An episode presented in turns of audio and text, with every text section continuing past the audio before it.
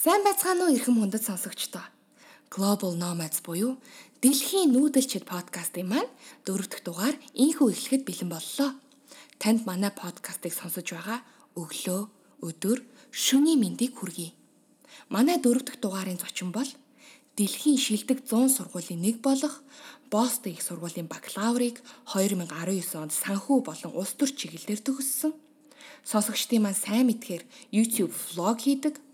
YouTube сувгийн нэр нь Ариун оюун.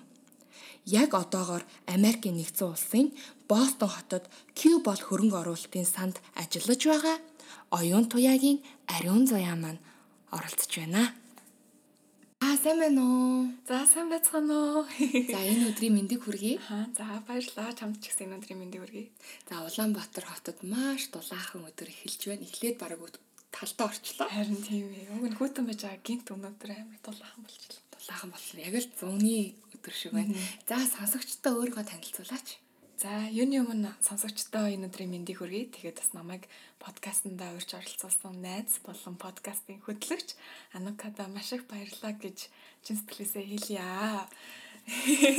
Яг ингээд миний хувьд бол бас анх удаа яг ингэж нүүр тулж подкастэнд ярьцлага өгч үзэж байна. Өмнө нь бас хоёр өөр подкастэнд яг цахим буюу онлайнаар яриа өгчсэн болохоос гоё мэдрэмж байна. За намайг бол Оюнтэгийн ариун зай гэдэг. Тэгээд саяхан Бостон их сургуулийг төгсөөд одоо Бостонд бараг 4 5 дахь жилдээ амьдарч байна. Тэгээд 10 жилээ бол American School of Ulaanbaatar-ыг Монгол төгсөөд явсан байгаа. Тэгээ одоо яг хөрөнгө оруулалтын санд ажиллах гад бэлдээд л байж байна да. Тийм ээ. Би сая 3-7 хоног заяа дээр очичоод ирсэн. Бостон хотод. Тэгээд хөрөнгө оруулалтын компанийн талаар маш олон мэдээлэл авсан. Тэгээ манай хүн маш мундаг. Яа тэгэхээр төгсөөд шууд тэр компанид орж чаддгүй. Тэгээ манай хүн орсон байгаа. Баярлалаа. Америкийн одоо нөгөө нэг яг улс төрийн байдал нь яг олон улсын сурагчдыг ажилд шууд авахд бас жоохон таатаа нөхцөл байдалгүй байх л та.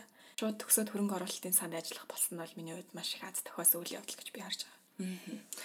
За яагаад одоо ASU American School of Ulaanbaatar-ыг төгсөөд Америк руу явах шийдвэр гаргаваа.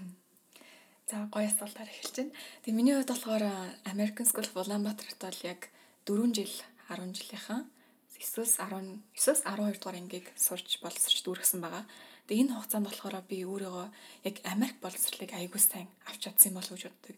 Наацх нь гэхэд яг бид нар зүгээр Америк сургуулийн эсэг яг яаж бичих вэ гэдгийг бүр юм айгүй тулсан тийм хичээл ордог гэсэн.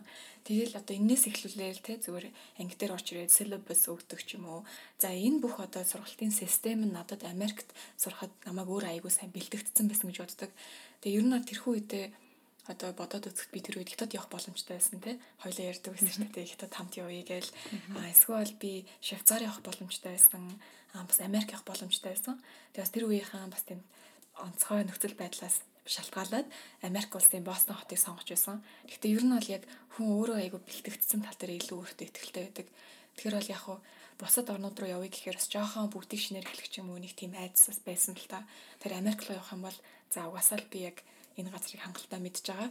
Ерөнхийдөө бол нэг яг анх удаага ерөөсөө очиж үзег байгаа шүү дээ. Очиж үзээгүй мөртлөө яг ингээд за ер нь нэг жоохон ойлголт сайтай байгаа гэж бодоод өөртөө бас жоохон ихтэй байсан гэж боддог. Тэгэхээр яг Америк улсад сураад одоо нийтдээ яг 5 жилийн өрөөг үзэж байна уу? 4 жил э, сураад. Тийм 4 жил гарсан болж байна. Тийм 4 жил гараа одоо яг 5 дахь жил нь болох гэж байна. Тийм болохоор Америк улсыг одоо миний подкастн дээр дандаа харьцуулдаг байгаа. Манай монгол залуучууд маань дэлхийгээс суралцъя гэдэг уриатай манай подкаст. Тийм болохоор ер нь Америк хүүхдүүд монгол хүүхдүүд хоёрын ялгааг хэлээж тэгээд аль нь давуу, аль нь сайн тал монгол хүүхдүүд маань Америк хүүхдүүдийн хүүхдүүдээс юугаараа давуу талтай бол юугаараа дутуу юм бол.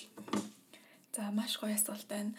Миний хувьд болохоор би нөгөө анх яг сая би яг өмнөх асуултан дээр ингэж хэлсэн шүү дээ. За Америк улсыг ингээд амар мэддэг болцсон. Ер нь бол ойлголт сайтай. Би бол боловсролын системийг бол ер нь ойлгоч нь за Америк багш нартай угаасаа хичээлээ үзчихсэн гайгүй гэж бодоод өөртөө бол нэлээд ихтгэлтэй очсон.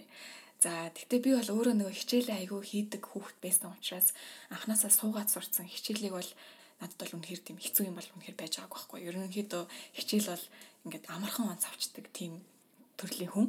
За тэгээд очиод яг ингээд суухад бол хичээлээ бол гайгүй хийж чадаад байгаа. Гэхдээ надад яг одоо айгүй том тийм бэрхшээл тулгарч байсан. Тэр бэрхшээл нь юу вэ гэхээр ингээд оролцоо тал дээр би тэр хүүхдүүдийг гүйцэж чадахгүй байсан. Ангид байгаа Америк хүүхдүүд надаас илүү хичээлдээ оролцоод байдаг байсан. Гэхдээ оролцох оролцохдоо зүгээр ингээ өөрсдийнхөө мэддэг чаддгаар оролцох биш бүх төрлийн тийм өргөн цар хүрээний мэдлэгтэй хүмүүс байдаг. Тэгээ Америк хүүхдүүдийг би ингээд айгүй тэрийг айгүй гайхдаг байсан л тэ энэ хүүхд одоо насаараа ингээд Америкта байцсан. Ихэнх Америкчууд Америкаас гарч үзээгүй гэдэг нь айгүй сонирхолтой байдаг. Тэгээ Америк улс ч өөрөө айгүй том болохоор баг одоо East Coast-аас тий одоо New York, Boston хавар амьдардаг хүмүүс West Coast буюу Калифорни мож тэр хавлаа очиход баг ингээд өөр орнд л очиад аялцсан юм шиг тийм мэдрэмж төрүүлдэг тийм том улс учраас дотор нь байгаа хүмүүс яг үндэ нэг тэгж олон улс руу аялдаг юм монголчууд шиг байдгүй. Монголчууд одоо Төв аймаг орчоод ч юм уу дархан за цаашлаад Баян үлгийн орчоод өөртөө нөх амар ингээл ус тэгээ уус дамнаж аялсан гэж хизэж боддгоо штэ. Тэгэд Америк хүмүүс бол тэгж боддог, тийм ойлголттой байдаг. Тэр бас яг тэр хүмүүс нөгөө өсөж явах явцдаа өсөж бойжж хүмүүжж томоож явах явцдаа яг одоо ийм одоо өргөн цар хүрээний мэдлэгтэй тийм ээ одоо бүх одоо мэдээл мэдээ мэдээлэлтэй ойрхон технологи ашиглах боломжтой бүх зүйл Америкаас эхэлдэг тийм одоо мэдээл мэдээ технологийн үйлдвэрлэл улс учраас магадгүй тэр хүүхдүүд өсөж тойрнохдоо тийм өргөн цар хүрээний мэдлэгтэй өссөн юм болов уу гэж би бас боддیں۔ Тэгээд бас entertainment-ийн ер нь хараад ахтал Одоо жишээ нь бид нар бол өөрсдийнхөө яг сонирхдаг энтертейнментийн хэлбэрийг л үздэг шүү дээ. За жишээ нь Анука ч одоо амар тийм романс тал руу роман унших дуртай бол кино үзэхдээ ч гэсэн ерөн драма тийм драма үзэх сонирхолтой. А нэг акшн төрлийн кино үзэхгүй ч юм уу те. За жишээ нь би одоо одоо бизнесийн сонирхолтой бол за нэг бизнесийн гоё ТV шоу үзэх ч юм уу. А түүнээс бол би нэг амар хууль мөл төрлийн ТV шоу үзээд явахгүй. А тэгэхэд Америк хүүхдүүд одоо миний найзууд дундаас хараад байхад ямар ч хамаагүй ТV шоуыг бүр ингээд үздэг. Өөрийнхөө сонирхол биш байсан ч гэсэн ингээд үздэг. Тэгэхээр өөрсдөө бас айгүй тийм нээлттэй байлгаж чаддаг хүмүүс нээлттэй төдий ч хинэгээрээ нээлттэй байлгана тэр хэмжээгээрээ тийм гой өргөн цар хүрээний мэдлэгтэй болдог. Тэгээ би яг Америкт ирчээд одоо жишээ нэг хичээл дээр одоо түүх ярьж ярьж байлаа гэж бодоход би бас одоо тэр төрлийн түүхэл ярих хэрэгтэй гэж бодоод байхад тэр Америк хүүхдүүд түүхээс гадна тий бүр шал өөр юмнуудыг холбож холбож яриад тий одоо спортын талаарч хамаагүй ярьж чаддаг уус төр entertainment business хайр дурлал найс нөхөд юу ч хамаагүй ярьж базаж чаддаг тийм чадвартай хүүхдүүд байдаг. Тий Монгол хүүхдүүд болохоор ер нь айгүй тийм махруу хүмүүс байдаг шүү дээ. Яг нэг дуртай юм руугаа л ингээд суугаад өөрсдөө айгүй тийм хөгжүүлэх сонирхолтой. Аа гэхдээ Монгол хүүхдүүдийн давуу тал нь болохоор яалтчгүй ингээд орчиндөө тасан зохицох чадвар. Тэгээд ямар ч газар очиод за ер нь ингээд өөрсдөө болгочих чадвартай тий. Тэм нэг хар амьдралд ингээд нэг ухаан суудсан гэж ярьдэн штэ тий. Хар ухаан суудсан. Тий хар ухаан суудсан. Тэгээд яг гоо бид нар чи өөрсдөө нөгөө нүүдэлчин гарал үүсэлтэй болохоор ер нь хаанч очиод ингээд амьдралаа хийж чаддаг тийм давуу талтай. Аа тэгтээ бид нар энэ одоо цаан чанарыгаа илүү өөр төвшөнд авчих боломжтой гэж бодлоо. Тэр нь юу гэхээр яг энэ Америк хүүхдүүдээс суралцаад бидний ийм өргөн цар хүрээний мэдлэгийг бид нар бас яг энэ дасан зохицох чадвартайгаа хослуулад ингээд нийлүүлж чадах юм бол бид нар айгүй тийм ямар ч төрлийн ажлын талбар дээр манлайлж чаддаг хүмүүс болно. Ажлын талбар дээр манлайлахад яг үүндээ дасан зогсох чадвар бол хангалттай байхгүй. Тэнд ажлын талбар дээр ямар ч ажлын талбар дээр манлайлахын тулд мэдээлэлтэй мэдээллийг өөртөө бүр ингэ шингээж маш хурдтай шингээж авч өөрийн болгож чаддаг тийм одоо юм машин байх хэвээр мэдээллийн машин. Тийм амир нэг аюу угаадаг бамбалзуур шиг ийм гоё шингэн хүлээж авах чадвартай байх хэвээр Тэгэхээр яг энэ тавлын хоёр чадварыг хослуулах юм бол би бол монголчууд бол альч төрлийн талбар дээр ороод ажиллаж чадна гэж боддог байхгүй манлайлж бас тийм Америк хүмүүсийн сул тал нь болохоор амар өргөн төрлийн цар хүрээний мэдлэгтэй юм өртлөө яг ажил болоод ирэхээр зөвхөн өөрсдийнхөө хийж чаддаг юм хийдэг. Тэнгуутаа нөгөө юмнууд дээр ингэж чаддгүй арай сул дорой байгаад байдаг байхгүй юу? Монгол хүмүүс чинь ер нь ямар ч ажил хийждэг шүү дээ. Гэхдээ тэр ажил дээрээ манлайлах нь хоороод байгаа байхгүй. Тийм болохоор яг нэг нэг юм лугаал яг төвлөр гэсэн үг юм байна шүү дээ. За тэгээд одоо яг нөгөө нэг мэдээллийн машин гэж чи ярьлаа л да. Мэдээллийн машин болох хэрэгтэй. Яг тэгвэл одоо залуучууд маань яг тэгвэл мэдээллийн машин болохын тулд яг юу хийх хэрэгтэй вэ заяа? За мэдээллийн машин гэдэг бол амар бас сонирхолтой тийм концепт л байна л да. Тэ өөрөө яг хүмүүс чинь машин гэдэг чи айгүй тийм юм механик юм гэж харааддаг. Гэхдээ мэдээл гэдэг бол маш хурцтай өсөж гин. Одоо чинь хоёулынгийн өнөөдөр ингээ яриад явж байхад одоо цаан чин Путин ирээд те одоо юу ч болж байгаа тэр Путин манай ерөнхийлөгч Батулга хоёрын яриа өнөөдөр юу болж ямар шийдвэр гарч өндөрлөх нь бас манай улсын ирээдүй болон хоёр улсын хоорондын ирээдүйг бас сайнарч шийдэх боломжтой. Тийм ээ маш олон гоё боломж болцоонууд нэгдэж байгаа гэж бодож байна. Тэгэхээр ер нь одоо жишээ нь одоо одоо жишээ нь өөр дөрөв би жишээ авахад одоо манай улсад Оросын холбооны улсын ерөнхийлөгч Путин ирээд явхад юу гарсан бэ? Ямар үр нөлөө ямар үр дагавар гарсан бэ? Ямар шийдэл гарсан бэ гэдгийг би өөрөө хувь хүн одоо Монгол улсын иргэн учраас би энэ дээр мэдрэмжтэй, сонор сэрэмжтэй байж энэ талаар би мэдээлэлээ одоо мөшгөж олж өөрийнхөө мэдээллийн машиныг би бензинээр нь одоо дүүргэж өгөх хэрэгтэй байхгүй юу? Тэгэхээр мэдээллийн машин байна гэдэг чинь айгүй мэдрэмжтэй авах хэрэгтэй. Мэдээж бид нар энэ дэлхий дээр байгаа бүх төрлийн мэдээллийг шингээж авах боломжгүй боломжтой байсан ч тэр бол үнэхээр чи өөрийнхөө машиныг буруу төрлийн юмд цаг хугацаа ирч хүч энергийг ашиглаж ийн гэж би харж байна. Яг өөрийнхөө юу хүсэж байгааг мэддэг хүн ямар төрлийн мэдээлэлтэй байхаа мэдэх ёстой. Тэгэхээр энэ эргээд ингээ юу ярих гэдэг нь гэхээр би баг нэг холын зорилготой ч л уялдуулж хэлэх гээд байна л да. Хүн холын зорилгоо аягүй сайн тодорхойлж өгч тавьсан бол энэ хэрэгтэй мэдээлэл уу, хэрэггүй мэдээлэл уу гэдгийг аягүй сайн ингээд ялгаж салгах чадвартай болчихдог. Тэгэхээр одоо жишээ нь холын мөрөөдөл чи энэ ч байхад дунд нь яг ингээд яаж очих вэ? Ингээд аюул сайн тодорхойлоод өгсөн байх хэвээр Тэнгууд дундуур чи ингээд ямар ч хэрэгцээгүй мэдээлэл орж ирж чинь хэрэгцээгүй хүмүүс орж ирж чинь хэрэгцээгүй одоо илт бусын драма ч юм уу те хүний амьдрал тохиолдож болох юм зөндөл байна. Тэр бүгд орж ирэхэд тэрийг ингээд дундуур нь яг хоёр гараа хоёр хайч шиг барьж аваад ингээд таслаад таслаад те цавчаа цавчаа та нар миний мөрөөдлийн миний зорилго руу очиход энэ хамааг ингээд сатааруулна гэж байхгүй шүү гэд ингээд тасалж хайдаг тийм байх хэрэгтэй.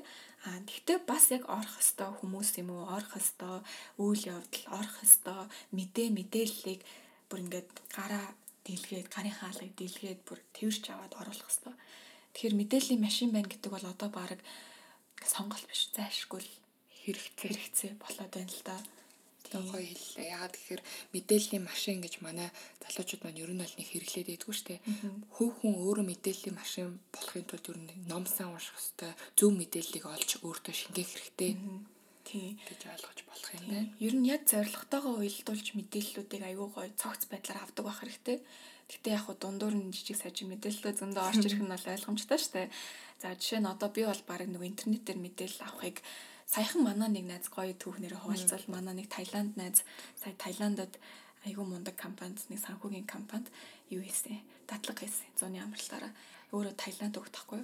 Тэгээ нэг зам бит хоёр яриад нөгөө нөгөө дадлаг чинь юу болж байна те? How's your internship going? гэд бит хоёроос 15 20 минут гоё ярихад тэр хүүхд надад юу хэлсэн бэ гэхээр заяа би ингээд өглөө болгон ажил дээр орж ирээд 30 минут сонин уншиж байна. Энэ компани ингээд сонин уншдаг бүр юм дэгж аягтай тий бүр юм яс заншилтай байна. Компани корпорацийн яс заншил гэж нэг юм байгаа штэ. Энэ компани сонин уншд юм ажилчуудаа сонин уншуулдаг гэж байгаа байхгүй юу. Тэр нь бүр ингээд дэгж аяг болоод тогтцсон. Тэгсэн чинь би тэр үед нөгөө мэдээ мэдээл гэхээрээ л хүмүүс чинь өстой уцаараа интернетээр те авдаг болсон шүү дээ. Одоо бид чинь цахимаар интернет авдаг болсон. Сонин уншаад сууж байгаа баг нэг ч нэг харахгүй бах.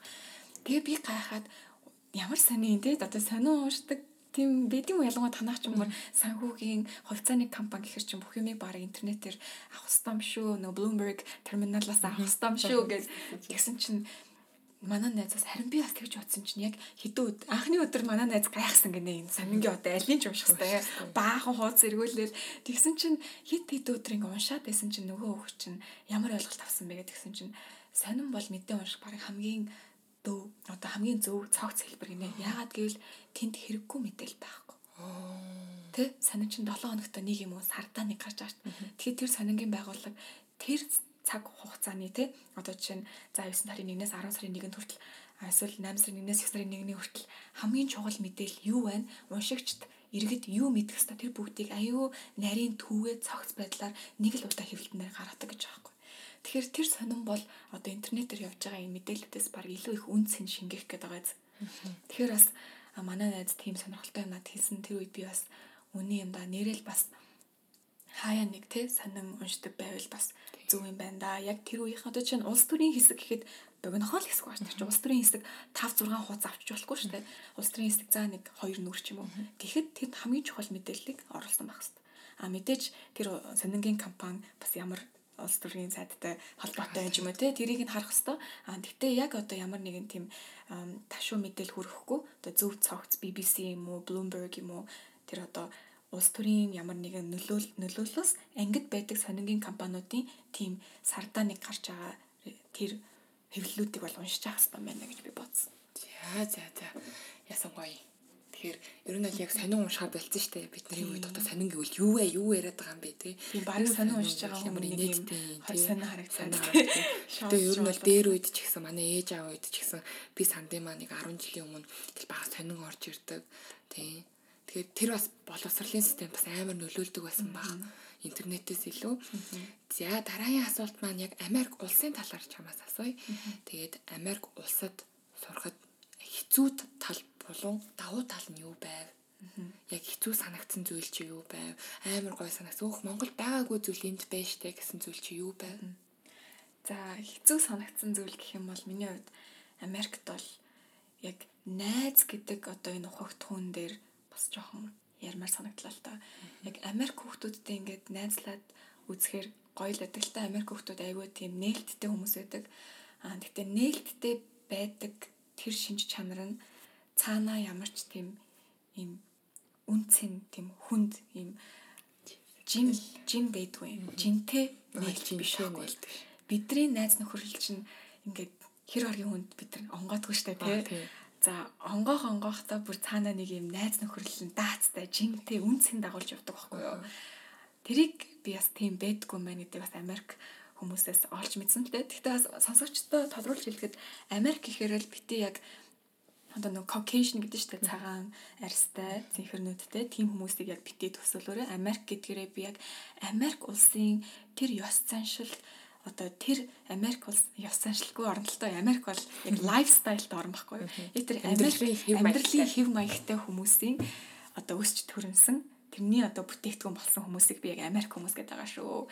Тийм болохоор бас яг Америк хүмүүс бол яг ингээд амар гоо нээлттэй харьцсан. Гэхдээ яг бидний хоорондоо байдаг тийм найз гэдэг ухагтхан тэд нарт нэг байдгүй санагдсан. Аа гэхдээ тэд нар байдгүйгэж мэдтгүү. Яагаад гэвэл тэд нар хизээч тийм найз нөхөрлөлтөө учирч байгаагүй бид нар бол найз нөхдийн төлөө юу болол юу хийн штэ. Тэгээ одоо жишээ нь ингээд чамд ямар нэг юм хэрэгтэй боллоо гэхэд би тэр үед үнэхээр надад хэцүү байсан ч гэсэн би чамд илүү хэрэгцээ гэдгийг мэдээд чиний бүр ингээд яа зайлшгүй ингээд хэрэгцээ гэдэг чинь мэдвэл би бүр хийхин төлөө юугаас ч буцахгүй. А Америк хүмүүс болохоор яагаад би тийх ёстой гэж энэ бол миний ашиг сонирхолтой нийцэхгүй байна. Энэ ингээд бид нар өөрөөсөө хандлыг өөрөөсөө болгоод явах хэвээр а нэгэндээ ингэж хэрэглэл учруулах юм бол баг энэ бол найз биш ч юм уу. А яг тэдний бас нэг зөв нэг бодлороо зөв нэрэл бидний яхалаараа бид нар ингээл нэг нэгэндээ ингээд дарам шахалт учруулаад нэг альбтай юм шиг тэгж амьдэрсэн юм шиг байх хэвээр юм те. Тэр бол үнэн. А тэгтээ тэрний чинь цаана яг чин сэтгэлээсээ туслана гэдэг чинь юм найзын нарийн нандан бүр юм сэтгэл сэтгэл жин явдаг байхгүй юу. Тэгэхээр тэрэн дээр ингээд бас Америк хүмүүс жоохон дутагдмал санагддаг. Тийм учраас би бас яг тийм амар юм дотн найзуудтай болж үзээгүй л явна одоохондоо. А тэгтээ миний яг дотн найзалж чаддаг хүмүүс нь ямар хүмүүс гэдэг вэ гэхээр international students. Яг Аз улсын. Тийм яг ингээд дорны соёлтой тийм Аз хүмүүстэй илүү их нийлэх гэд хандлага байгаад байдаг. Тийм. За Америк улсад амьдрах давуу тал нь гэвэл яалтчгүй бүр ингээд Америк улсад амьдрах амарх үгүй Америк улсад амьдрах үнэхээр амархан анука бүр амархан гэдгээрээ одоо нэг очиод амьдраад ингээ амарчих биш шүү. Хүний амьдралын хэв маяг тэнд үнэхээр амархан байдаг. Ямар ч тийм асуудал гарахгүй. Стрессгүй. Стрессгүй, зовох шаардлагагүй. Бүх юм хэрвээ хүн хичээгээд хөдөлмөрлөөд амьдралынхаа хийх ёстой зүйлүүдээ хийгээд ажилдаа ороод цалингаа аваа явуучих юм бол тэр хүний амьдрал үнэхээр аз жаргалтай. Бүр сайхан амьдрах боломж тэнд байгаа. Тийм учраас дэлхийн тэг хүн болгон Америкт ингээд цагаачлах гад очих одоо хүсэл эрмэлзэл нь бас тэр байдаг юм байлээ. Би тэрийг одоо баг 4 жил амьдарсныхаа дараа л ойлгож байна. Би бас анх ирээд Америк улс яагаад хүн болох ирээ гэдэг байсан юм бол гэсэн чи яг л 2 3 жилийн дараанаас үнэхээр энд ингээд хүн хичээгээд хөдөлмөрлөчих юм бол амьдрал айгүй гоё амархан байт юм байна. Амьдрал тийм хэцүү байх шаардлагагүй байхгүй. Амьдрал хүмүүс ингээл аа амьдрал гэж хэцүү даваа гэж Монголд айгүй тийм өгнөд өгдөө шүү дээ. Амьдрал гэж хэцүү даваа. Өстой ингээл айгүй ингээ зовлонтой тийм байх ёстой юм шиг тийм үг ойлголтууд Монголд айгүй байх гаддаг. Тэгээд яг үндэ тийм биш юм байлээ. Яг үндэ хүн айгүй гоё амархан амьдрах хэрэгтэй байлээ шүү дээ. Тэ тэр улс чинь улсын тогтолцоо, санхүүгийн тогтолцоо, боловсролын систем бүгд ингээд урд ард иргэдийгээ айгүй гоё ингээд амархан амьдрах нөхцөл байдлыг бий болгож өгөх хэрэгтэй гэдэг юм байлээ. Тэгэхээр Америкт бол ялангуяа миний амьдарч байгаа Бостон хотноо бол тэр нөхцөл байдлыг үнэхээр гоё цогцлоож өгч чадсан болохоор амьдрахад хамгийн амархан тэгээд хамгийн одоо ад шаргалтай байж болох таатай таатай нөхцөл байдлыг аягүй гоё бүрдүүлж өгсөн байдаг. Наацхан ихэд одоо би баг гэрээсээ гарахгүй бүх юмаа хийж болно. Харин манай ажил намайг заавалчгүй офис дээр иргээд байхгүй. Би гэрээсээ ажиллаа компьютераас ажиллаж болно. Гэхдээ би офис дээр очино л доо. Гэрээсээ ажиллая гэд би хүсэл гаргах юм бол тэднэр дургуутсан гэж би бол бодохгүй байна. Аа тэрнээс гадна би хүнс мүсээ гараа цуглуулах шаардлагагүй. Би онлайнаар дуутчихна. Тэг гэр цэвэрлэгээ би өөрөө хийчихнэ. Хүн дуудахаар л дуутчихна. А уулзалт муулзалт хүртэл доор гэрийн доор кофе шоп уулзчих болно. Заавалчгүй ингээл корпорацийн нэг уулзалтын танхимд орно морно гэдэг. Бүх юм ингээд хүмүүс нь хоорондоо ч харилцаагаа айгүй гоё амарчлаад өгсөн. Монгол хүртэл ингээд бид нар одоо шоуд нь гэхээрэл гойж гангалал бүр нэг ингээл клуб те одоо ширээмэрээ аваад бүр нэг юм том зүйл болгох шүү дээ. Тэгэд Америкийн ингээд амьдралын хэв маяг нь өөрсдөө хоорондоо бие биендээ хэдүүлээ ингээд цогцоод гоё амархан амьдрыг гэж байгаа юм шиг таатай нөхцлөөр бий болгоцсон. Тэ гарч цугаад цэнгэлдэгтэй хүртэл зүгээр гоё хаа хамаагүй ороод гараал яриад нэг уух юм аваад суухад тэр бол тэр хүний яриа бүр үнэхээр гоё night out. Тэр бол айгүй гоё амьдралын таатай хэв маяг бүрдүүлсэн, таатай ажиргалтай, энгийн байдлаар ажиргалтай амьдарч чадах нь миний хувьд Америкийн давуу тал гэж боддог. А сул тал нь эргээд хэлэхэд яг хүмүүс нь хоорондоо бас айгүй тийм одоо өөр өөрсдийнхөө ашиг сонирхлыг амийг хөөсөн. Аа тэгэхээр тэр нь эргээд тэр хүндэл сайн л та. Тэгэхээр яг тэгж амьдэрдэг. Тэгээд нэг нэгэндээ ингээд чирэгдэл учруулдаг. Тийм амьдралтай хүмүүс байл. Тийм шүү. Тийм болохоор яг тийм нийгмийг бүтээхийн тулд Америк одоо улс айгүй олон цагаачтай айгүй олон тийм э, соёл иргэншлийг нийлүүлж иш тийм байдалд хүрсэн баг. Тэгэхээр чиний бодлоор Монгол улсад амьдрахад таатай орчин бүрдүүлэхийн тулд яг юу хэрэгтэй вэ? Одоогийн чиний байдлаар яг юу хэрэгтэй вэ? Хамгийн ихний одоо э, чухлын дараалал гэдэг шиг хамгийн чухал зүйл нь Монгол улс их орныг яаж тийм таатай амьдрах орчинтай болгох вэ? Бидний хийх ёстой зүйл юу вэ заяа?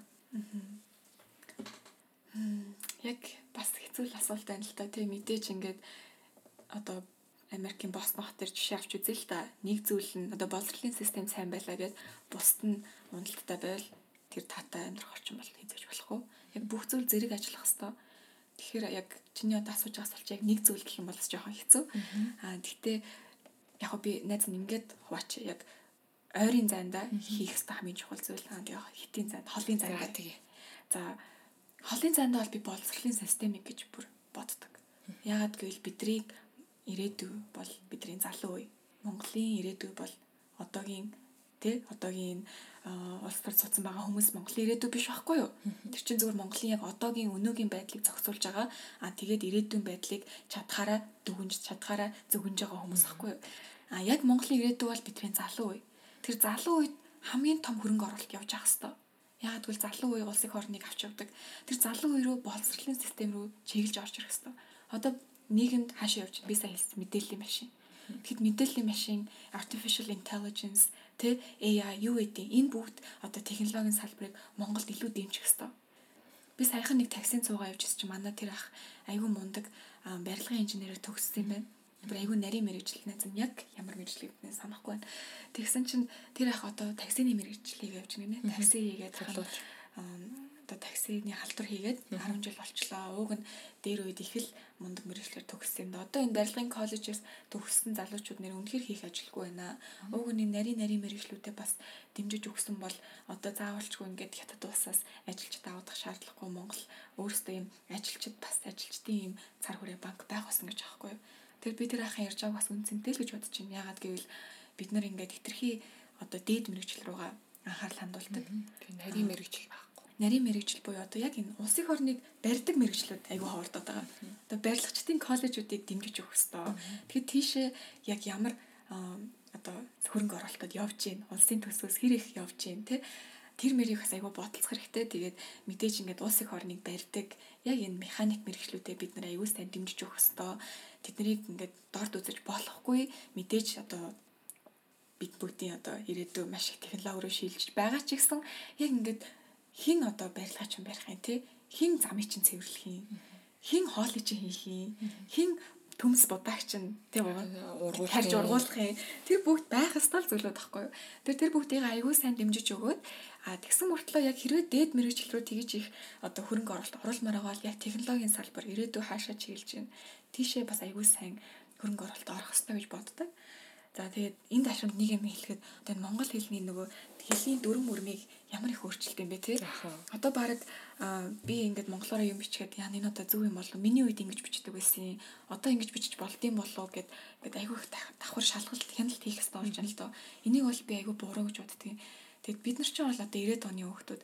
Тэгэхэд 90-ад оны хүүхдүүд монгол хэлээ яг сурснараа хэрэглээд бичээд явж чадахгүй байхад бидний аав ээж юу юу одоо яах Харин тийм. Тэгэхээр чинь би одоо ирээдүйд хүүхэд гаргахад миний хүүхдэд манай ээж монгол хэл зааж өгч чадахгүй болчих жоох байхгүй юу? Ягдгүй л хэлний үсгийнх нь дүрм өршлөгдсөн. Одоо цээж үчиг чээж үчиг гэж бичиж чинь гэнэ үү? Тэгээд одоо нөгөө 61-ийн биш нөгөө хатуугийн тэмдэг нэмдгээр хассан гэж хэлдэг шүү дээ. Тий. Ингээд одоо чинь зүгээр наазахаа ингээд өсгөнд өөрчлөлт оруулдаг. Тэг яг яах гэж өсгөнд өөрчлөлт оруулаад байгаа гол point нь. Тий. Энийг ингээд нэгдсэн байдлаар айгүй гоё мэдээлэл хийх ёстой. А тэгтээ одоо ийм төрөлд цаг цаг зарцуулах шаардлага байна уу? Тий. Өөр олон зүйлд. Тий. Тэгээ одоо ийм зүйлд одоо хил усанд ингэж өөрчлөлт оруулснараа одоо миний одоо бидний ээж аа бидний эмээ өвөгийн боловсролыг өнгөдүүлж байгаа байхгүй. Яагаад гэвэл бидний хүүхдүүд тэдний боловсролыг тэдний монгол хэл цээж үчиг бичүүлэх гэдэг байгаа юмыг тоохгүй заахгүй ойлгохгүй. Ягаад гэвэл тэрийг буруу гэж бодно. Тэгэхээр энэ бол ирээдүйдээ холын цанд айгүй том зөрчилдөөн одоо ёс заншлын хувьд айгүй том зөрчилдөөн үүсгэж байна гэж би одоо хараад байгаа. Би ч гэсэн чамтай яг санал нэг байна. Ягаад тэгэхээр энэ одоо үсгийг хассан хасаагүй тэрнээс илүү олон асуудлууд байгаа. Тэр асуудал дээрээ илүү төвлөрье гэж хүсмээр байгаа. Тийм. За за за. Юу вэ подкаст эхлээд бараг 30 минут болчихсон. Одоо яад гэхээр яг урдны дугаард манаас Америк улсаас зогт бэлгүүн дээр маань орсон байгаа. Бас заяа маань хоёр подкастэнд Америкт яаж сурах вэ талаар ярьсан байгаа. Mongolian Students podcast те. Нөгөөдг нь болохоор Оюутан Монгол подкаст. Тэгээ Оюутан Монгол подкаст. Тийм болохоор тэр хоёр подкастаас бас яг Америкт яаж сурсан талаар илүү дэлгэрэнгүй мэдээрээ. Яагаад гэхээр түрүү түрүүж байгаа подкастаар яг Америк улсын тухай мэдсэн. Дахиад энэ подкастаараа дахиад Америкийг давтчихээн. Тийм болохоор тийм улиг болсон мэдээлэл бит хоёр өгөхгүй байхыг хичээж байна. Тэгээд бас манай сонсогчд маань ингэж асуудалтай англи хэлийг яаж сурах вэ гэдэг. Тэгсэн чинь манай заяа влог хийдэг. Тэгээд ариун оюун гэдэг YouTube channel дээр нь байгаа ариун оюун гэд хайгаад үзээрэй. Тэгээд хайгаад үзэнгүүд байгаа тэрэн дээр англи хэлийг бүр яаж сурах тухай бүтэн 40 минутын бичлэг байгаа. Ер нь бол англи хэлийг яаж сурах юм бол өөрөө сайхан бичлэгнүүд үзээд өөрөө ирэл хайгуул хийгээрэй. Тийм. Тийм. Миний ер нь YouTube руу ороод бас цаашаа илүү дэлгэрэнгүй мэдээлэлүүд байгаа. Тэгээд та бүхэн бас яг ялангуяа англи хэл сурах дээр бол тэр влогийг үзэх юм бол бас нэлээд олон зүйл сурнах гэдэг итгэлтэй байна. Би бас итгэлтэй байна.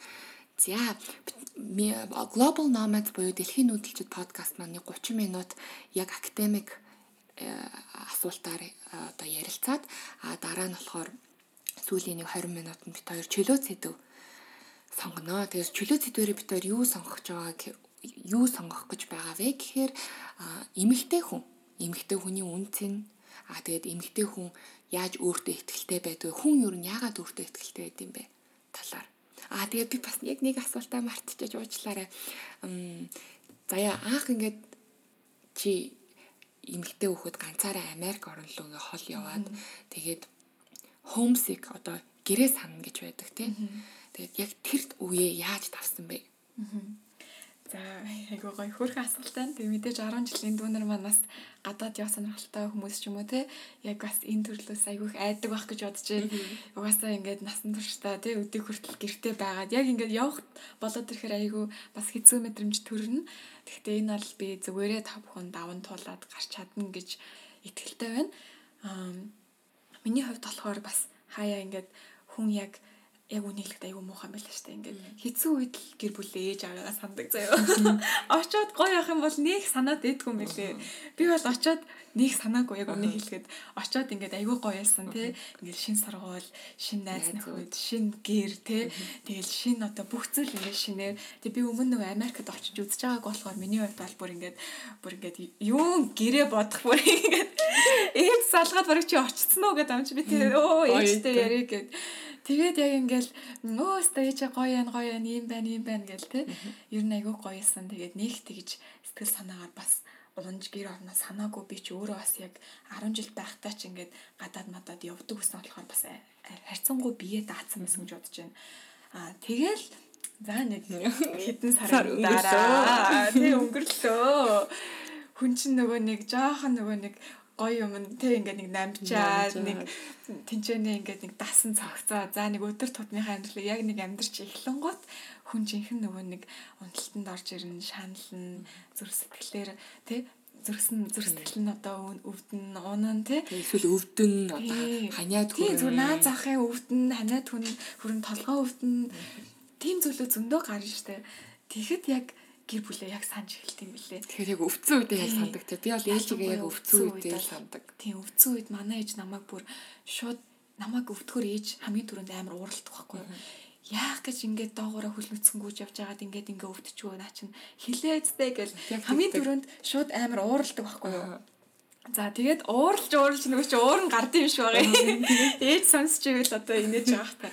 Тэгээд ууралж ууралсныхан дараа орондоо ор.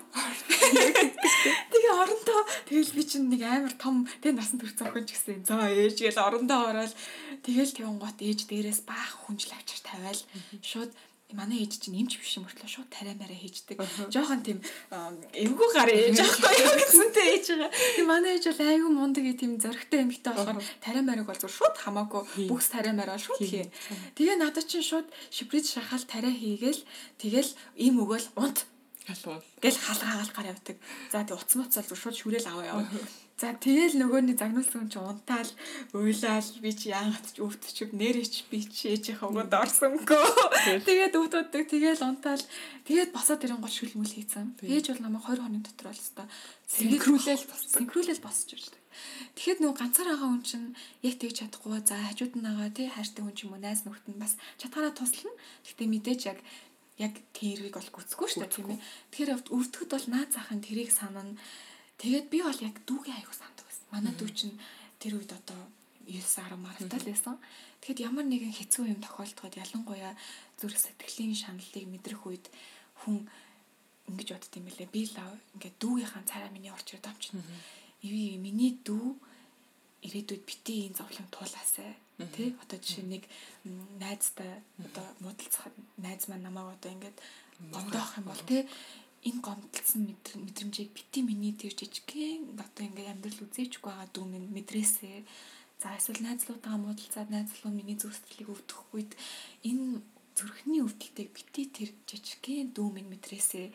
Тэгж бодоол гэрээ санаал гэрээ ингэдэг юм байлээ Тэгтээ яг хоо ийм зүйлүүд бол тохиолдно. Тэгтээ яг хоо сонсогчдоо зориулж хэлгээд сонсогчд минь та нар ингээд гэрээ санаж гинэ гэдэг чинь та өөрөө ийм одоо эвтэйхэн буюу comfort zone-оос гарцсан байгаа гэсэн үг байхгүй юу? Тухтай байдлаас гарцсан байна. Өөрийнхөө тухтай байдлаас гарцсан болохоор та бүхэн ингэж бие физиологч нь реакц үзүүлж байгаа. Хэцүү байна. Юу илээ? Энд ч яста миний мэддэг газар биш вэ штэ гэд хүүхэд анх гэж тэг 9 сард гидсэн тэгж жагаад гараад хамгийн түрүүнд уйлдаг үсттэй. Тэр хүн хизээч тэр нэраа хүүхэд гараад хизээч инээгээд байдгүй л ахгүй. Бүгд уйлдаг. Яагаад вэ гэхээр тэр хүүхдийн тав тухтай байдлыг бид нэр цаашрдуулж шинэ ертөнцид мэдлүүлсэн учраас. Тэгэхээр та яг л одоо нэраа хүүхдэд адилхан гэсэн. Яг л шинэ ертөнцид ороод Тэ ингээд яг аав тэр хүүхч нэраа хүүхч шууд реакц үзүүлж уйлдгүй маа гэхэд би физиологч нь аяанда мэдэрч тэр тав тухгүй орчин шинэ ертөнцийг мэдэрч одоо нэгсэндээ гэрээ санджина гэдэг чинь уйлж байгаагийн хэлбэр байхгүй. Тэгэхээр гэхдээ шинэ ертөнцид орж тав тухтай байдлаасаа гарснараа та үргэлж сайжирнө гэхээс ч ороодохгүй. Үргэлж таны доторх хүн чинь чангарч юм үзэж тэмээ ухаан сууж шинэ байдалтай шинэ нөхцөл байдалтай нүүр тулснараа шинэ хүмүүстэй харьцаж сурснараа тэдний чинээгээрээ хүчрэхэд болж тэдний чинэнэ дотор хүн чинь хүчрэх чинь тэгэхээр тэр байдлыг даваа тулчвал юм бол гайгүй л гэж хэлмээр. За тэгвэл яг эмэгтэй хүүхдүүд ингээд зарим ээж аав нар ингээд Америк руу нэг ганц охиноо ч юм уу та явууллаа эмэгтэй хүүхд яана гэж боддог штеп. Энэ эмэгтэй хүүхд юу яач хвал ийч хвал тэр очиж байгаа газар нь одоо аюулгүй байх болов те. Тэгэхэд ер нь эмэгтэй хүн яг яаж одоо Америк усаж гэлтгүй олон улсад ингээ бие авч явах хэрэгтэй юм бэ? Тий. За бие авч явах дээр бол хүн болгон яг өөр өөрснөө гэсэн бодолтой л одоо жишээ нь бие авч зөв авч явна гэхээр л ингээл дуугу эн тэнд очиод ийм одоо ийм номо байдалтай байна гэсэн үг бол биш. Аа тэгтээ зарим хүмүүс бол тэр байдлыг бол зөв бие авч явж гин гэж харна. А зарим хүмүүс хүн амьтанд очиод танилцаад инээлтэд хөвгчлөлтөд явж байгааг бас айгүй зүг бие авч явж байна гэж харна. Тэгэхээр энэ бол яг хүн хүний өөрсдийн бодол а тэгтээ зөв бие авч явна гэдэг миний хувьд болохоор буруу замаар будаа тэхгүй л би хэлнэ. Тий. Та яг өөрөө ямар хүн байна? Яг тэр мөн чанараараа байх ёстой. Мэдээж таны яг мөн чанарыг чинь тийм байж болохгүй, юм байж болохгүй гэж би надад шүүх эрх нь байхгүй. А тэгтээ буруу замаар будаа тэгээд явах ёсгүй. Яагаад гэвэл та яах гэж анх гадаадд сурах гэж очсон юм За тэтгэлгээр очсон мундаг оюутнууд байна. Гэр бүлийнхэн хадгаламжаар явж байгаа хүүхдүүд ч байна.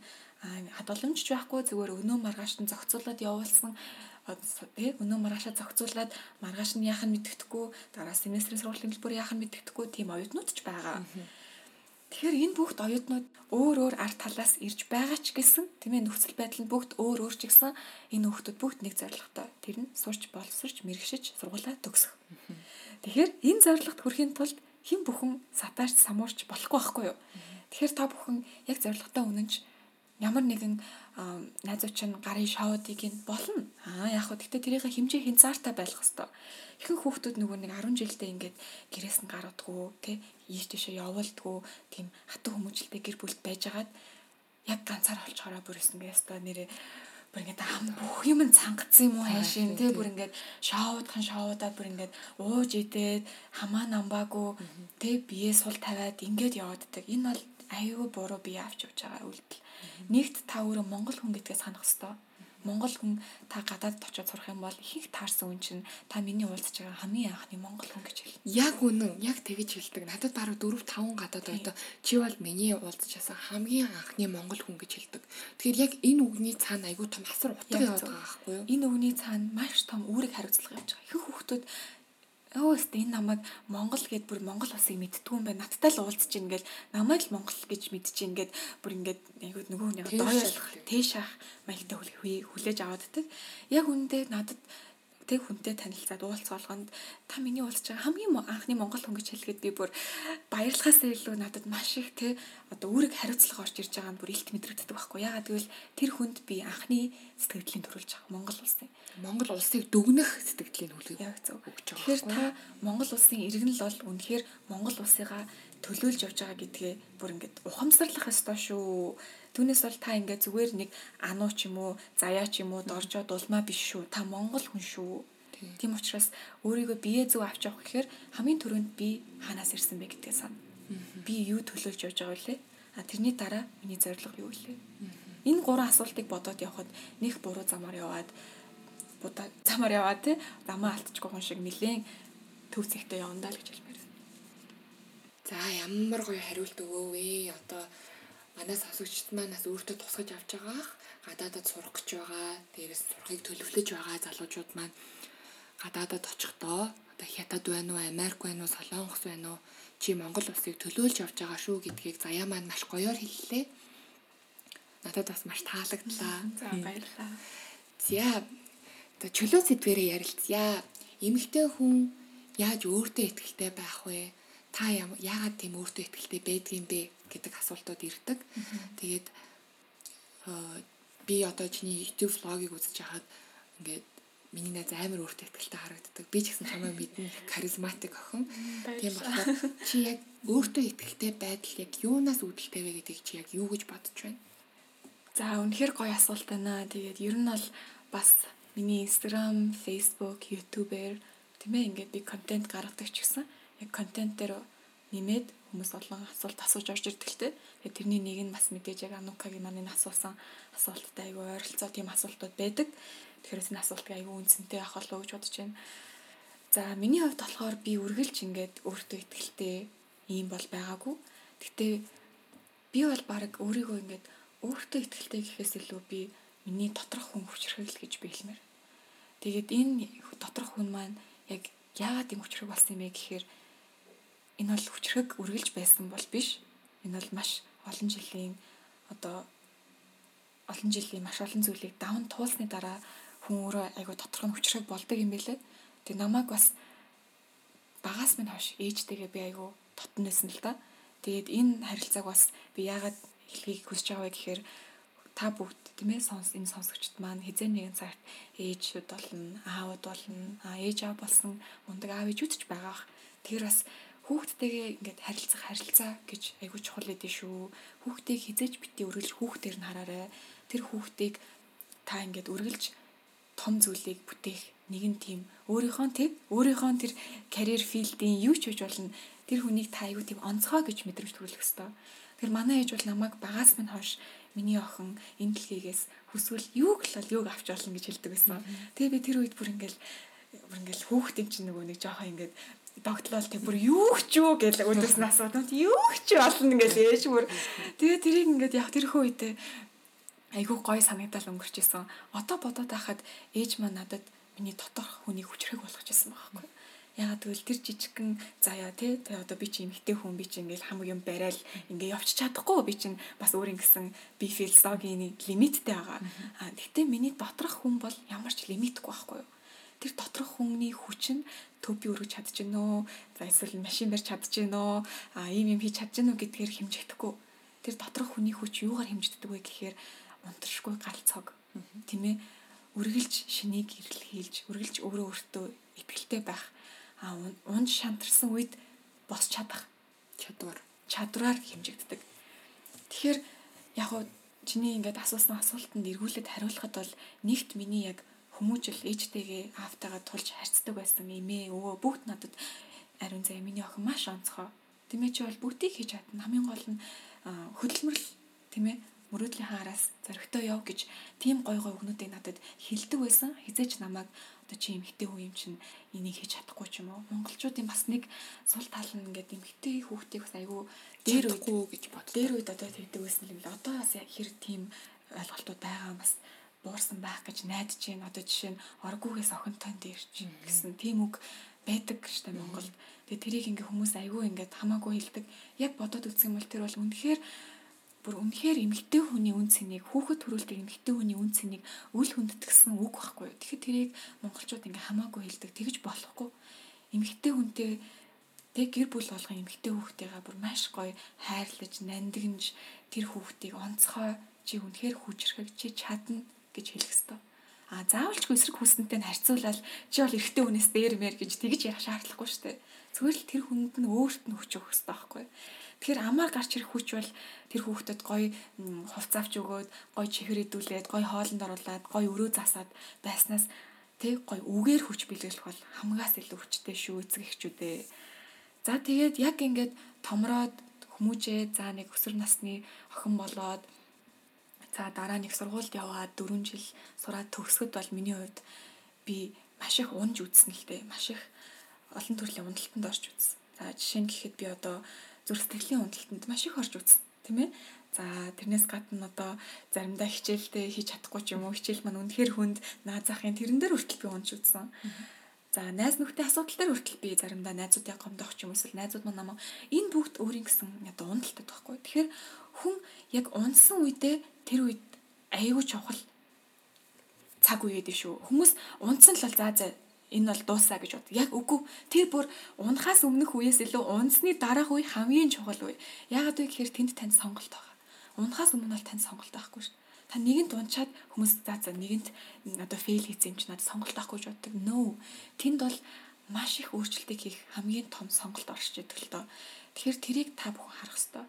Тэгэхээр ямарваа нэгэн уналтанд орсон үед болгондоо дээшээ явах сонголт хийх үү? Тэ энийг даван туулаад дээшээ улам ахицтай, улам мундаг болох, улам хүчрхэгч алдаага засах тэр сонголтыг хийх үү? За эсвэл энэ хിവэрээ юу ч хийхгүй чигээрээ явах уу? За эсвэл бүр буруу шийдвэр гаргаад буруу хүмүүстэй нийлээд буруу зүд гаргаад явах уу гэдэг энэ бол таны сонголт. А миний хувьд болохоор ямар нэгэн ямар нэгэн уналтанд орсон үе болгонд би ээжтэйгээ айгүй тулж ажилладаг байсан л та. Ээжээсээ зөвлөгөө аавна. Тэгээд ээжээсээ зөвлөгөө авах болгонд ээж маань хизээч намайг ингээд одоо чист алтаа гаргачлаа ингэчлээ гэдгүүсэн. Шууд ээж маань айгүй тийм өнгөрсөндөө амьдрдгүү одоо цагдаач амьдрдгүү үргэлж ирээдүйд амьдрдаг юм байхгүй юу одоо ээжтэй ярих болгонд бүр ингээд ээжийн бүр ингээд 30 40 30 тилийн дараах юм ээж надад яриад байдаг ээж бүр ингээд үргэлж тэр хүний ингээд сэтгэл зөө амьдрал нь үргэлж ирээдүйдээр амьдарч байдаг хүн. Тийм болохоор намайг ингээд алдаа гаргалаа гэхэд шууд ирээдүг ярьдаг. За за окей. За тэгвэл одоо ингээ тгий ингэсэн дээр юм шүү. Чи юу бодож чинь? Яг одоо ингэсэн дээр байна гэл ярилцдаг. Тэгэхээр энэ бас зөв ярилцдаг хүнтэй байх айгүй чухал. Зөв ярилцдаг хүн чинь чамайг зөв зам руу чиглүүлнэ. Тэгэхэд хүмүүс ингээд өөрсдийнхөө үеийн найз нөхдөөс айгүй зөвлөгөө авдаг байхгүй юу? Тэгэхээр тэр найз нөхөд чинь яг үнэндээ строггүй явж байгаа хүмүүс ахгүй юу? Яг чамтай адилхан проблем. Түүхий жимснүүд ахгүй юу? Тэ яг адилхан чамтай проблемтэй эсвэл яг чамаас бүр дор проблемтэй явж байгаа хүмүүс чамд яаж зөвлөж чадах юм бэ? Тэгэхээр тэр хүмүүс яг үнэндээ чиний амьдралыг өөрчлөх зөвлөх хүмүүс биш. А зүгээр л чамд тусалцаа үзүүлж чамд дэмжлэг болж чиний зовлонгоос хуваалцаж авдаг хүмүүс л чиний найзууд ах хэвээр. Аа би яг Анукагаас зөвлөгөө авах аягүй дуртай. Яагаад гэвэл би Анукаг надад зөвлөгөө өгөх чадлын хүрээний хүн гэж боддог байхгүй яагаад гэвэл Анукаас ээжтэйгээ маш мундаг ээжтэй хүн. Тэгээд энэ хоёр манаас хоорондоо маш үнэхээр гоё тийм ээ ингээд ээж охин хоорны хоорондын харилцаатай. Тэгэхээр ийм зөв хүмүүс ямар хүнээс зөвлөгөө авч аягүй чухал. Тэгээд тэр зөвлөгөө авсан зөвлөгөөгөөрөө өөрийгөө улам сайжруулад зөв зам руу явах хэрэгтэй. Аа тэгээд энэ бүх зовлон шаналл те хэцүү байдлаа давж туулсны дараа хүний дотоод хүн хүчрэх болоод тэгээ өөртөө итгэлтэй. Тэгээд өөртөө итгэлтэй болдог байхгүй. Тэгэхээр энэ бол нэгсэн айгүй том процесс байгаа зү. Процесс бүр багаас нь гарч ирэх процесс. Аа тэгтээ энийг би ингээд та багасаа л ийм ээж автаа байгаагүй бол эсвэл ийм орчинд тэ таны ингээ үргэлж сэтэлжүүлж яадаг урам өгч яадаг ийм орчинд өсөөгүй бол та дотор хүч хүчрэг биш. А тиймээс та өөртөө итгэлгүй гэсэн юм би бол хэлэхгээгүй шүү. Тэрийг бас үзэгчд маань сан мэдрэмжтэй сонсож аваарай. Би яг юу гэж үнэ гэхээр надад бол ийм зүйлүүд хүчин зүйлэр нөлөөлсөн. А танд өөрөөр байж болно. Гэхдээ та энийг хизээч оройтсон гэж бодохгүй өнөөдрөөс эхэлж болно. За миний хувьд болохоор юу н өөртөө итгэлтэй байх гэдэг зүйл бол бас яг заяатагаа санал нэг байна бас нэг өөрөөр хэлэх юм бол манай охтууд бас одоо ингээд манай монгол залуучууд ингэж боддог байх. Миний анзаарснаар хөөхөн царайтай, хөөхөн гоё арьстай, хөөхөн нүдтэй, гоё биетэй л бол өөртөө ихтэй. Өөрийгөө даван туулсан хүн болголоо инээгээл хөөхөн. Тэгээ хөөхөн бол өөртөө ихтэй гэж ойлгодог. Үгүй ээ, дотоод гоо үзэсгэлэн гэж их юм байдгийн байдаг юм байна гэдгийг би ер нь саяхнаас айх ойлгож байгаа л та заяа. Яа тэгэхээр хүн дотроосоо гэрэлтжиж хүмүүст их гоё харагддаг. Тэгээ дотроосоо гэрэлтжиж хүмүүс илүү таалдаг. Яа тэгэхээр хичнээн гой царайтай байж байгаа. Гой царайнаас 3 хоноод үүднэ. Муухай царайнаас 3 хоног тасаа тасна гэдэг үг байдаг шүү дээ. Яг тэрнтэй адилхан. Царайны сайхнаар цайс үлэхгүй гэдэг шиг. Тийм болохоор би яг түрүү яг подкаст эхлэхээс өмнө заяатай ярьж ирсэн. Одоо ингээл амар гой талах барьдаг хүн, амар талах барьдаг юм бэкери хүн чам дээр ирээл тийм чам дээр ирээл чи талхаар чадахгүй би ингэж барьж ийн гэвэл үнэхээр заяа битээр чадахгүй шүү дээ. Тэгэхэд тэр хүн талхаа барьж байхдаа тэр нэг юмыг амар сайн хийж чаддаг үнэхээр үзэсгэлэнтэй харагддаг. Тэгээд нэг юмыг илүү ингээд бүр мэрэгччихээрээ бүр ингээд өөртөө ихтэй болчдөг. Тийм болохоор октоудтай залуучуудтай хэлэхэд чиний гаднах үзэн чинь хамаагүй чи нэг юмыг сайн хийдэг болчих. Тэрийг бүр ингээд хинээс тэг хөгжүүлээд хинээс тутгааргүй ингээд юу ачих эзэмшчих. Тэгэх юм бол чи үзэсгэлэнтэй харагдана тэр зүйлээ хийж явахдаа. Амар гоё ажиллаа бүр үнэхээр чин сэтгэлээсээ хийж явахдаа үзэсгэлэнтэй харагддаг үзэсгэлэн тий үзэсгэлэн амар гоё харагддаг байхгүй. За жишээ нь би ингээл за заяатай сая боосноо ч хичээлээ хийж явахдаа бүр амар үзэсгэлэнтэй харагддаг заяа. Тэг яг амар гоё үзэсгэлэнтэй харагддаг байхгүй. Эсвэл манай ээж зохиолоо бичиж явахдаа амар үзэсгэлэнтэй харагддаг. А хүмүүс одоо Яг одоо чи подкаст хийж байхдаа үнэхээр. За ёо за баярлаа. Баярлаа. Яг энэ цаг мөчид баярлаа. Тэгээд ер нь бол яг ямар нэг юм их сайн хийж байгаа эзэмшсэн хүн их үзэсгэлэнтэй харагддаг. Тэгээ тэр эзэмсэн зүйлээ бүр эзэмснээ мэддэг хүн өөртөө ихтэй байдаг. Тийм болохоор би яг юу гэж хэлэх гээд байна вэ гэхээр өөртөө ихтэй байхын тулд ямар нэг юмыг өөрөө хөгжүүл тэрийг бүр тултал нь эзэмш, тултал нь судал. Тэгээ номыг зүгээр л нэг амар ингээд анхаарлаа төлрүүлээд уншиж байгаа нэг хэлбэртгээгүй хүн бас амар үзэсгэлэнтэй харагддаг тий. Тэгээ жоохон юм амар ингээд юмд хандж байгаа хандлага нь чин сэтгэлийнх байх юм бол бас их үзэсгэлэнтэй харагддаг. Хоёлоо бол ингээд өөрийнхөө үн цэнийг ойлгох тий өөртөө ихтэй байх талаар айгүй гоё хоёр талаас шал өөр концептээр бас гоё ярьж чадлаа гэж бодож байна. Аха. Тийм. Яг үнэ. Намайг бас сая боосон дахт би гадаа ингээд салхилаа явж исэн чинь нэг хоёр хосыг харсан юм аа. Тэр хоёр хос ингээд хоёлаа э, найз нөхөн, найз охин, найз залуу хоёр байхгүй юу. Тэгээ хоёлаа ингээд ном уншсан, хоёлаа тус тусдаа ном уншаад нэг нь нэгнийхээ зүгээр ингээд нэг нь доошоо хараад ном уншаад, охин доошоо хараад ном уншсан. Залуу нь болохоор охиныхоо норон дээр нь толгоогоо тавиад дээшээ хараад ном уншиж байгаа байхгүй юу. Тэгээ бид тэр хоёр ингээ ажиглаа л исэн чи ерөөсөө би бинийгаа ингээ зогсоохгүй юм ярих гал чинийг хардаа энийг хардаа шүү. Өө нээрэд нэг тийм болсон. Тэрийг нэг яриад өчөхгүй. Хоёулаа яг хоёр тэр хоёр ертөнц тэр үед ингээд яг зэрэг оршиж байгаа байхгүй. Тэгтээ огтлцохгүй. Тэр мөч бүр надад үнэхээр үзэсгэлэнтэй байсан. Би яг чамайг сайн ном уншихад гой харагддаг хүмүүс гэсэн чи яг тэр бодогдлоо. Тэгээ би тэр үед вау энэ хоёр үнэхээр ингээд хосууд имөртлөө би бинийгаа айгүй хүндэлдэг. Би бинийгаа хүндлэгч би бинийгаа хүндэлдэг хоёр байна да. Тэ тэгэхгүй ингээ хоёулаа хос юм чинь нэг ном уншиж болж шүү дээ. Тэгэхгүй чиний хартаа энийг хартаа гэж болно. Тастаа уншаад тэгжин гэдэг бол надад үнэхээр бас гой санагдсан. За за. Тийм болохоор бит хоёрын ер нь өөртөө ихтэй байх гэдэг нь царай зүс биш шүү. Өөрийнхөө дотоод хүчийг мэдэр. За дотоод хүч гэснээс манай заяа маань 9 сарын 8-нд бүтэн сайн өдөр хүний дотоод хүч гэдэг нэртэй тийм нээлттэй ярилцлага буюу тийм гоё зөвлөгөөний тийм уулзалт хийх гэж байгаа. Тэгээд тэрэнд бүгдээрээ ирээрээ. Тэгээд манай заяагийн маань Instagram ариун оюун гэж байгаа. Тэгээд тэрнээс мэдээллийг аваад маш үр өгөөжтэй зүйл өгнө гэдэгт би би бүр итгэлтэй байна. Яа тэгэхээр би 9 сарын 6-нд явж байгаа.